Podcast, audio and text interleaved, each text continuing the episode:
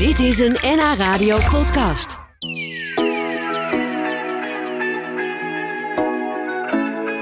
René Appel, die kennen we natuurlijk van de misdaadromans die hij schrijft. Maar hij is ook taalkundige en praat elke week op de radio bij Frits Spits in de taalstaat over taal. Dan analyseert hij het taalgebruik van bijvoorbeeld bekende politici. En nu heeft hij een nieuw boek, zonder moord of doodslag. Het heet Taalstukken en gaat over onze Nederlandse taal, het Nederlands van nu. Ja, trailers schrijven is op dit moment en in de nabije toekomst niet mogelijk voor René, omdat hij nog in de rouw is. Ruim een jaar geleden is mijn vrouw overleden. En dat betekent dat je niet altijd erg veel energie hebt om weer een nieuw verhaal op te zetten. Maar ik ben onlangs toch weer begonnen, want het is ook juist goed om er aan de slag te gaan. Kan je wel werken in, in tijden van, van verdriet? Kan wel werken, maar eh, kijk, dit stuk, dit boek met die taalstukken, dat is juist plezierig, want dat zijn een beetje afgeronde, relatief kleine eenheden. Ja, het zijn hoofdstukken, bijvoorbeeld een hoofdstuk over vloggers en wat zij eh, toevoegen aan onze taal. Of eh, wat ze misschien verknallen aan onze taal. Beide kanten. Toch? Ja, zeker. En dat, dat, dat werkt veel beter dan zo'n roman. Maar dat is echt iets voor de lange termijn. Daar moet je voldoende emotionele energie voor hebben. Had je met jouw vrouw ook een mooie band als het ging over taal? Ja, zeker. Ze was zeer geïnteresseerd in taal. Zij was zelf, eh, heeft ze in de educatieve uitgeverij gewerkt. Ook zich met taalmethodes bezig gehouden. Ze was ook een echte lezer. En ja, ze vond het altijd heel leuk. De dingen die ik over taal opmerkte. Aha, dus dit, ja, die, dat kon ze wel waarderen, die spitsvondigheid ja, van jou. Ja, nou, spitsvol. Of, hoe zou je het zelf omschrijven? en hoor dingen die andere mensen vaak niet zien of horen. En als je ze erop attendeert, zeggen ze... ja, verdomd, ja, zo zeg ik dat altijd. Jij zei bijvoorbeeld zo straks een keer een soort van. Oeh, dat Het was is- een volstrekt dat is met- soort van. Meteen een- Dat ik was al zenuwachtig vanochtend dat ik dacht- hoor. Hij gaat recht door mijn, door mijn taal heen Ja, luisteren. je noemde me taalprofessor. eh, Misschien met dat vond je een beetje te popiopie? Nee hoor, nee helemaal niet. Nee, taalagent ben ik misschien wel die mensen bestraffend toespreekt. Nee hoor, dat doe ik ook niet. Oh, dus zometeen durf ik nee, niet hoor, meer ik verder. leer het alleen. Aha, maar het, het- een, inderdaad, iemand zoals ik, een presentator, zou wel bij jou bijvoorbeeld in training kunnen gaan. Omdat jij, nou ja, een soort van, dat is eigenlijk een beetje slordig taalgebruik waar ik dan niet zo trots op ben. Nee, ik eh, hoorde dat een paar dagen geleden ook iemand zeggen. Ik heb een soort van opgeruimd, zei ze toen. Je hebt nu een boek zonder moord of doodslag. Het heet Taalstukken. Het gaat over onze Nederlandse taal, het, het Nederlands van nu. Eh, dat is de ondertitel. Die ondertitel impliceert eigenlijk ja, dat, dat taal voortdurend in beweging is. Is dat ook Dat is taal wat ook. aan de hand is? Ja, de, de- de taal is altijd in beweging, is nooit statisch. Mensen denken soms dat het een gegeven is, dat zo moet blijven. Maar dat is niet zo. Er komen nieuwe woorden bij. Er komen nieuwe uitdrukkingen bij. Mensen gaan andere gewoontes krijgen ze in hun taalgebruik. En ik vind het interessant om dat op het spoor te brengen, te krijgen en, en daar iets over te schrijven, ja. Dat doe je ook op een, op een hele boeiende manier in je boek. Eh, je zei net al even, ik heb eigenlijk het woord straattaal bedacht. Of daar heb ik voor het eerst over geschreven. Ja. Ik vond het wel leuk. Ik herinner me dat onze collega's van AT5... eh, die hebben ooit een heel eh, journaal... want ze hebben natuurlijk elke dag zo'n tv-journaal... gemaakt. En dan de presentator die, die probeerde dat helemaal in straattaal te doen.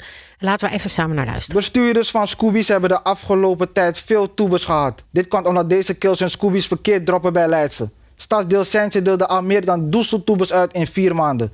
Dit is om parkeerbroeia op het plein te scotten. De Scooby-bestuurders zijn nu para. De Scoobies eh, op het Leidse... kon jij er eh, wel een eh, touw aan vastknopen? Ik kon het wel min of meer begrijpen, maar soms komen er ook steeds weer nieuwe woorden op. Hè? Para is, bijvoorbeeld? Para dat is heel makkelijk, dat is gek. Maar in dit geval betekent ook boos, woedend eh, enzovoorts. Dat is dus een, een verkorting van paranoïde natuurlijk. Het ging volgens mij over scooteroverlast op het Leidse, eh, Ja, Leidseplein ja, in Leidseplein. Amsterdam. Er worden veel woorden afgekort ook, ja. Veel ouderen kijken er misschien een beetje eh, met vraagtekens naar. Maar is, vind jij het een verrijking van ons taal? Want het kan soms heel inventief zijn, die nieuwe woorden. Het kan inventief zijn natuurlijk, maar degenen die met nieuwe woorden komen, die zijn zeker eh, inventief, die vernieuwen de talen en de anderen volgen weer. Die straattaal, dat is wel een fenomeen dat we vroeger nauwelijks gekend hebben. In pakweg de jaren 60, 70 spraken jongeren ook een iets ander Nederlands. Zo'n uitdrukking als te gek bijvoorbeeld, hè? Vet. Gaaf, dat is opgekomen in de jaren 60 ongeveer. En nu gebruiken oudere mensen dat ook. Dat, dat is niet meer een taal van jongeren. Maar de jongeren bedenken steeds nieuwe dingen. En het wordt vooral heel erg geïnspireerd ook door andere talen. Met name door het Surinaams. Bijlmer of Amsterdam Zuidoost, dat is echt een, een bron van nieuwe taalvormen.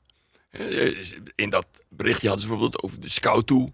Hè, Dat is de politie. Weet je waar het woord scoutoe vandaan komt? Nee, vertel. Ik ken wel de popo of de jut, eh, Ja, nee, maar de dat- scout toen niet. Scoutoe, dat, komt, dat is van het Nederlandse woord schout. En dat is in het Surinaams als scoutoe geworden. Ah, wat mooi. Probeer jij ook altijd, als je dat bijvoorbeeld hoort in de Belmer, te achterhalen van wat is de oorsprong eigenlijk van dat woord? Soms kan je dat wel achterhalen, ja, dat, dat lukt wel. Maar je kunt ook bepaalde patronen zien. Zoals bijvoorbeeld die verkorting. Hè? Je zei bijvoorbeeld de Leidse. Maar ze hebben bijvoorbeeld ook de snelweg, noemen ze de Snelly. Plaatsnamen worden ook verkort. Ja, het is heel Almere effectief. is Ali bijvoorbeeld. Efficiënt eh, taalgebruik zou je kunnen zeggen. Of is Ze het. spelen met taal, kan je zeggen. Maar eigenlijk wel leuk dat veel jonge mensen misschien minder boeken lezen dan vroeger. Maar tegelijkertijd wel heel creatief zijn met de taal. Of is dat een te optimistische conclusie? Ik vind dat erg optimistisch. Degene die iets nieuws bedenken, die zijn creatief. En de rest die volgt gewoon. Oh, Oké, dus dat, Dat zijn is niet zo erg creatief natuurlijk. Als je iemand napraat tussen aanhalingstekens. Je hebt je, je boek al ingedeeld in allerlei hoofdstukken. Eén daarvan is bijvoorbeeld ook eh, straattaal. Maar je hebt het ook over omslachtig taalgebruik. En ik vond die titel van dat hoofdstuk wel, wel pakkend. Als we kijken, dan zien we. Ja, dat hoor je ontzettend vaak. Überhaupt is het we zien, komt heel vaak voor. We zien dat de besmettingscijfers weer zijn gestegen. Er kan gewoon de besmettingscijfers zijn weer gestegen. Erger je daar ook aan? Want je vindt het een beetje dubbel op. Want ik, zie je gezicht. daar wel een beetje aan. Ja, die omslachtigheid, dat is nergens voor nodig. Ik hoorde laatst iemand ook zeggen... ik denk dat we zien dat... enzovoorts. Ik denk dat we zien. Nergens voor nodig. Ah, is is, is, is eh, ja, goed taalgebruik, is dat eigenlijk hard werken als ik jou eh, beluister? Of zou gaat dat op een gegeven moment zou- vanzelf? Het zou niet hard werken moeten zijn natuurlijk. Omdat we hebben die taalvormen zijn gegeven over het algemeen. De woorden kennen we. Mensen kennen ook de grammatica. Maar er is kennelijk steeds iets nieuws nodig. Ja. Waarom dat zo is, dat is moeilijk te achterhalen. Maar mensen vernieuwen dat voortdurend. En die constructie met... Als we kijken, dan zien we... Nou, luister maar naar de, de, het weerberichten bijvoorbeeld. Eh, op de televisie. De weermannen en vrouwen doen dat bij uitstek, bedoel je? Voortdurend, voortdurend. Ehm, René, ja, we hadden het net over dat taal eigenlijk altijd in ehm, beweging is. En dat dat Ja. ook is wat jij interessant vindt. We hebben natuurlijk de vloggers en de influencers. Daar eh wijd jij ook een hoofdstuk aan.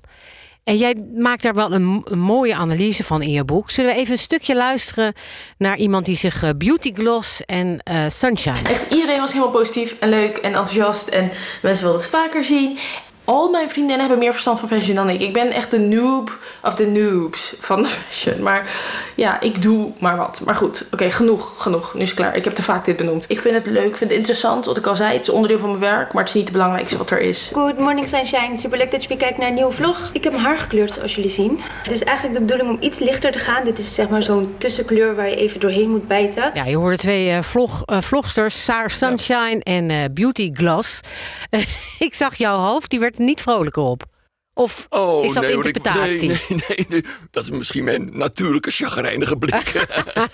Oh, maar Nee, wat valt jou op? Eh, Eh, tempo praten van beide heel praten? snel, hè?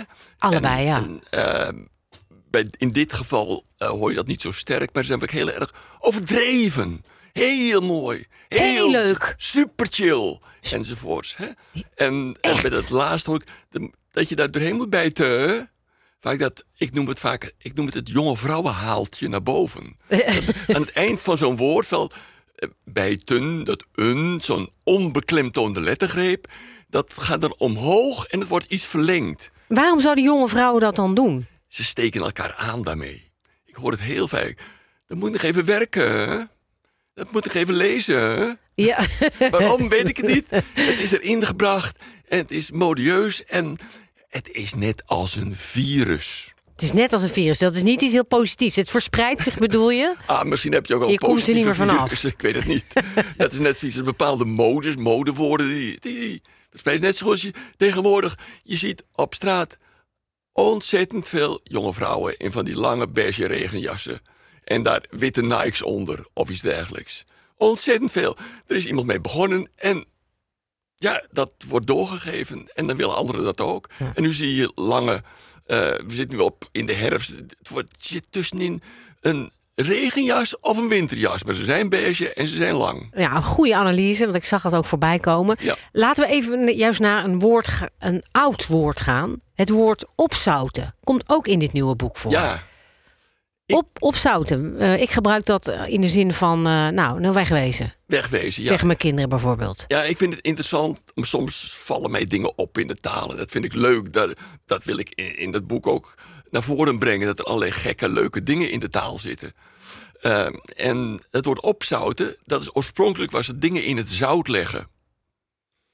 Maar tegenwoordig betekent niemand zegt meer: ik moet de- die vis nog opzouten. Nee, ik heb het woord tenminste nooit. Hoe, hoe is het dan van eh, ineens opzouten van ga weg dat geworden? is onduidelijk hoe dat komt. Mensen zeggen wel dat het te maken heeft met het, eh, iets als abzouten. Dat, is- dat is iets wat in het. eh, dat, dat wordt bij een begrafenisplechtigheid of een uitvaartplechtigheid in de katholieke kerk gebruikt. Nou ja, uitvaart, wegwezen enzovoort. Het zou daar vandaan kunnen komen, maar dat ligt toch niet zo erg voor de hand. Maar het is ook vreemd dat zo'n woord plotseling ontstaat, hè? Want we hebben al zoveel. Je kunt opdonderen, opflikkeren, opsodemieteren. Heel zo, dit, dit veel. schud je zo wel even En uit je er mouw. moet er kennelijk toch nog iets bij komen. Ja. Eh, laten we ook nog even een klein stukje luisteren naar Amalia. Want die heb je. eh, ja, je hebt ook een hoofdstuk gewijd aan ja, het Koninklijk Huis. Echt gewoon een gezegend mens dat ik dit mee mag maken op mijn verjaardag. Prinses Amalia, u bent nou een paar jaar eh, meegegaan. U kunt wel een mening vormen over Koningsdag. Hoe bevalt het? Nou, het is altijd een enorm feest en ik ben enorm blij dat ik mee mag doen en ik zie er elk jaar weer enorm naar uit. Eh, En wat valt dan op? En wat valt dan op? nou, dat iedereen er altijd jaar, elk jaar, sorry, elk jaar enorm feestwerk van maakt en daar ben ik ontzettend trots op dat, dit, eh, dat- ik hier in dit land woon hier. Is het spannend? Af en toe, ja, af en toe. Ik zeg toch af en toe. Ik kan me heel goed voorstellen. Ik zeg toch af en toe, ja, dat zegt ze even tegen haar moeder Maxima. Die Ja, haar, ze, eh, ze kijkt bij onder- een interview voortdurend, gaan de ogen even naar Maxica. Ja. Met zo'n blik van, zeg ik het eigenlijk wel goed? ze, Of, voortdurend eh, zoekt ze naar beve- bevestiging. Hè? Ja, maar ook ze is bang dat ze misschien iets zegt... Wat- wat, ze eigenlijk als aanstaande koningin niet zou mogen zeggen. Ja. En dat hoor je in het taalgebruik. Ze herhaalt zich ook voortdurend. Hè. Ik hoor haar ook mm, op een gegeven moment zeggen. Dat, dat zegt een aanstaande koningin, denk ik niet zo snel. Wat hoorde je? Ze- ja, Nou, dat kan. Dat kan. Weet, ik weet niet, ik weet niet. Maar dat zegt ze weer niet. Want je hoort ook, ze gebruikt ook duidelijk de Gooise R. Hè? maar wat, wat is eh erover te zeggen als je Amalia vergelijkt met een, eh, een aanstaande koningin van heel lang geleden? Die verschillen een beetje in die zin dat van Wilhelmina hebben we alleen maar hele formele teksten beschikbaar die gesproken zijn. Hè? Toen werd er nog lang niet zoveel opgenomen als tegenwoordig. Van Juliana is heel curieus. Eh, er zijn een paar interviews met haar waarin ze echt gewoon Nederlands min of meer spreekt. Dat is heel opvallend. Gewoon Nederlands, eh, niet Ja. dat hele eh Niet, niet heel formeel, niet heel geaffecteerd, niet keurig. Terwijl Beatrix heel keurig Nederlands spreekt. Die valt nooit uit haar rol eigenlijk, qua Nou, ik, taal. de- ik had bijvoorbeeld wel één lang fragment. Dan is ze op een van de eh Caribische eilanden. Na die grote storm, die, de orkaan die daar geweest was. En daarin, je zou kunnen bijna zeggen, springt ze verbaal uit de band. Want ze, ze, ze, ze spreekt veel normaler, tussen aanhalingstekens, veel gewone Nederlands... dan in al die keurige toespraken en al die keurige Oh, interviews. wat interessant. Dus dat zit er wel in. Dat kan om de in. hoek komen kijken. Het kan om de hoek komen kijken, maar ze houdt zich in. Ah, nou, René Appel, ehm, dank voor je komst. Taalstukken, dat, eh, zo heet jouw boek. We geven er dus ook eh, een paar weg. Maar eh, het is echt, ik beveel het zeer aan om, om het aan te schaffen. Ik vond het heel leuk dat je hier was in de studio. Graag en gedaan, ik hoop dat je nog een keer... ja, dat is een beetje obligaat bedoel je. Ja, Dat bedanken van mij ook, of niet? ook. Nou ja, het je- hoort erbij. Je inspireert me om het nog beter te doen. Dank je wel daarvoor. Jij bedankt. Dit was een NH Radio podcast. Voor meer, ga naar nhradio.nl. Radio.